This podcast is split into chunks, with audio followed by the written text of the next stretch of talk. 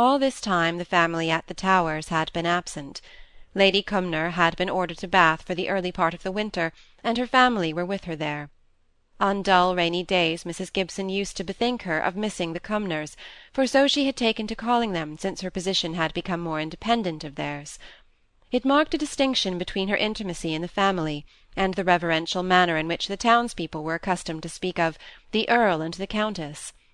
Both Lady Cumnor and Lady Harriet wrote to their dear Clare from time to time.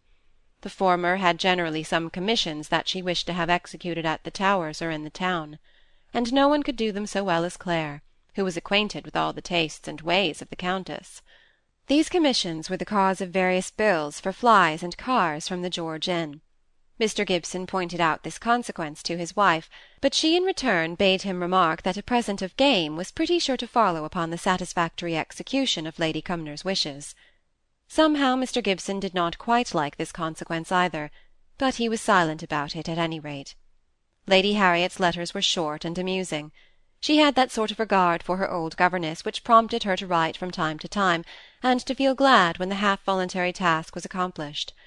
So there was no real outpouring of confidence, but enough news of the family and gossip of the place she was in, as she thought would make Clare feel that she was not forgotten by her former pupils, intermixed with moderate but sincere expressions of regard. How those letters were quoted and referred to by Mrs. Gibson in her conversations with the Hollingford ladies! She had found out their effect at Ashcombe, and it was not less at Hollingford. But she was rather perplexed at kindly messages to Molly, and at inquiries as to how the Miss Brownings liked the tea she had sent, and Molly had first to explain, and then to narrate at full length, all the occurrences of the afternoon at Ashcombe Manor house, and Lady Harriet's subsequent call upon her at Miss Brownings'. "What nonsense!" said Mrs. Gibson with some annoyance. "Lady Harriet only went to see you out of a desire of amusement. She would only make fun of Miss Brownings, and those two will be quoting her and talking about her just as if she was their intimate friend." "I don't think she did make fun of them. She really seemed as if she had been very kind." "And you suppose you know her ways better than I do, who have known her these fifteen years? I tell you she turns every one into ridicule who has not belonged to her set. Why, she always used to speak of Miss Brownings as Pecksy and Flapsy." "She promised me she would not," said Molly, driven to bay. "Promised you? Lady Harriet? What do you mean?" "Only she spoke of them as Pecksy and Flapsy, and when she talked of them coming to call on me at their house, I asked her not to come if she was going to—to make fun of them." "Upon my word! With all my long acquaintance with Lady Harriet, I should never have ventured on such impertinence." "I didn't mean it as impertinence," said Molly sturdily, "and I don't think Lady Harriet took it as such."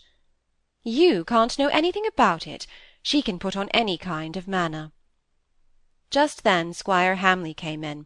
It was his first call, and Mrs. Gibson gave him graceful welcome and was quite ready to accept his apology for its tardiness, and to assure him that she quite understood the pressure of business on every landowner who farmed his own estate. But no such apology was made. He shook her hand heartily as a mark of congratulation on her good fortune in having secured such a prize as his friend Gibson, but said nothing about his long neglect of duty. Molly, who by this time knew the few strong expressions of his countenance well, was sure that something was the matter, and that he was very much disturbed. He hardly attended to Mrs. Gibson's fluent opening of conversation, for she had already determined to make a favourable impression on the father of the handsome young man who was heir to an estate, besides his own personal agreeableness. But he turned to Molly, and addressing her, said, almost in a low voice, as if he was making a confidence to her that he did not intend Mrs. Gibson to hear, "Molly, we are all wrong at home. Osborne has lost the fellowship at Trinity he went back to try for. Then he has gone and failed miserably in his degree after all that he said, and that his mother said; and I, like a fool, went and boasted about my clever son. I can't understand it. I never expected anything extraordinary from Roger, but Osborne! And then it has thrown madam into one of her bad fits of illness, and she seems to have a fancy for you, child. Your father came to see her this morning. Poor thing, she's very poorly, I'm afraid, and she told him how she should like to have you about her and he said I might fetch you. You'll come, won't you, my dear? She's not a poor woman, such as many people think it's the only charity to be kind to, but she's just as forlorn of woman's care as if she was poor, Worse, I dare say. I'll be ready in ten minutes, said Molly, much touched by the squire's words and manner, never thinking of asking her stepmother's consent, now that she had heard that her father had given his. As she rose to leave the room, Mrs. Gibson, who had only half heard what the squire had said, and was a little affronted at the exclusiveness of his confidence, said, "My dear, where are you going?" "Mrs. Hamley wants me, and papa says I may go," said Molly, and almost at the same time the squire replied, "My wife is ill, and she's very fond of your daughter, and she begged Mr. Gibson to allow her to come to the Hall for a little while, and he kindly said she might, and I'm come to fetch her." "Stop a minute, darling," said Mrs. Gibson to Molly, a slight cloud over her countenance, in spite of her caressing word. "I am sure dear papa quite forgot that you were to go out with me to-night, to visit people," continued she, addressing herself to the squire, "with whom I am quite unacquainted, and it is very uncertain if Mr. Gibson can return in time to accompany me. So you see I cannot allow Molly to go with you." "I shouldn't have thought it would have signified. Brides are always brides, I suppose, and it's their part to be timid, but I shouldn't have thought it, in this case. And my wife sets her heart on things, as sick people do.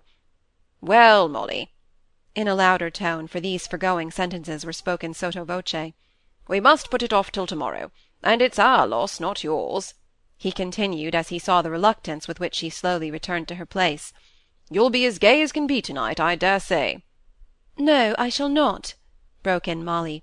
"I never wanted to go, and now I shall want it less than ever." "Hush, my dear!" said Mrs. Gibson; and then addressing the squire, she added, "The visiting here is not all one could wish for so young a girl. No young people, no dances, nothing of gaiety; but it is wrong in you, Molly, to speak against such kind friends of your father's, as I understand these Cockerells are. Don't give so bad an impression of yourself to the kind squire." "Let her alone, let her alone," quoth he. I see what she means. She'd rather come and be in my wife's sick-room than go out for this visit to-night. Is there no way of getting her off?" "None whatever," said Mrs. Gibson. "An engagement is an engagement with me, and I consider that she is not only engaged to Mrs. Cockerell, but to me, bound to accompany me in my husband's absence." The squire was put out, and when he was put out he had a trick of placing his hands on his knees and whistling softly to himself. Molly knew this phase of his displeasure, and only hoped he would confine himself to this wordless expression of annoyance. It was pretty hard work for her to keep the tears out of her eyes, and she endeavoured to think of something else rather than dwell on regrets and annoyances. She heard Mrs. Gibson talking on in a sweet monotone, and wished to attend to what she was saying, but the squire's visible annoyance stuck sharper on her mind. At length, after a pause of silence, he started up and said, "Well, it's no use. Poor madam, she won't like it; she'll be disappointed. But it's for one evening, but for one evening. She may come to-morrow, mayn't she? Or will the dissipation of such an evening as she describes be too much for her?" There was a touch of savage irony in his manner which frightened Mrs. Gibson into good behaviour. "She shall be ready at any time you name. I am so sorry; my foolish shyness is in fault, I believe; but still you must acknowledge that an engagement is an engagement. Did I ever say an engagement was an elephant, madam? However, there's no use saying any more about it, or I shall forget my manners. I'm an old tyrant, and she, lying there in bed, poor girl, has always given me my own way. So you'll excuse me, Mrs. Gibson, won't you, and let Molly come along with me at ten to-morrow morning?" "Certainly," said Mrs. Gibson, smiling; but when his back was turned, she said to Molly, "Now, my dear, I must never have you exposing me to the ill manners of such a man again. I don't call him a squire, I call him a boor, or a yeoman at best. You must not go on accepting or rejecting invitations as if you were an independent young lady, Molly. Pay me the respect of a reference to my wishes another time, if you please, my dear." "Papa had said I might go," said Molly, choking a little. "As I am now your mamma, your references must be to me for the future. But as you are to go, you may as well look well dressed. I will lend you my new shawl for this visit, if you like it, and my set of green ribbons.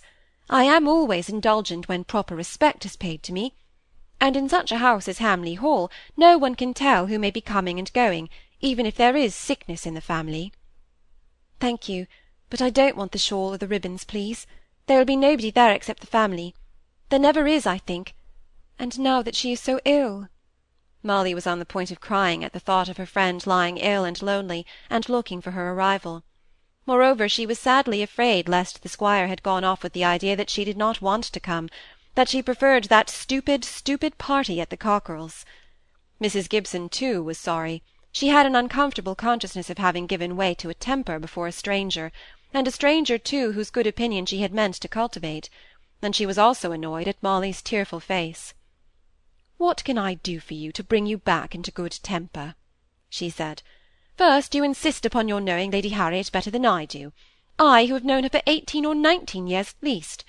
Then you jump at invitations without ever consulting me, or thinking of how awkward it would be for me to go stumping into a drawing-room all by myself, following my new name, too, which always makes me feel uncomfortable, it is such a sad come-down after Kirkpatrick. And then, when I offer you some of the prettiest things I have got, you say it does not signify how you are dressed. What can I do to please you, Molly? I, who delight in nothing more than peace in a family, to see you sitting there with despair upon your face. Molly could stand it no longer.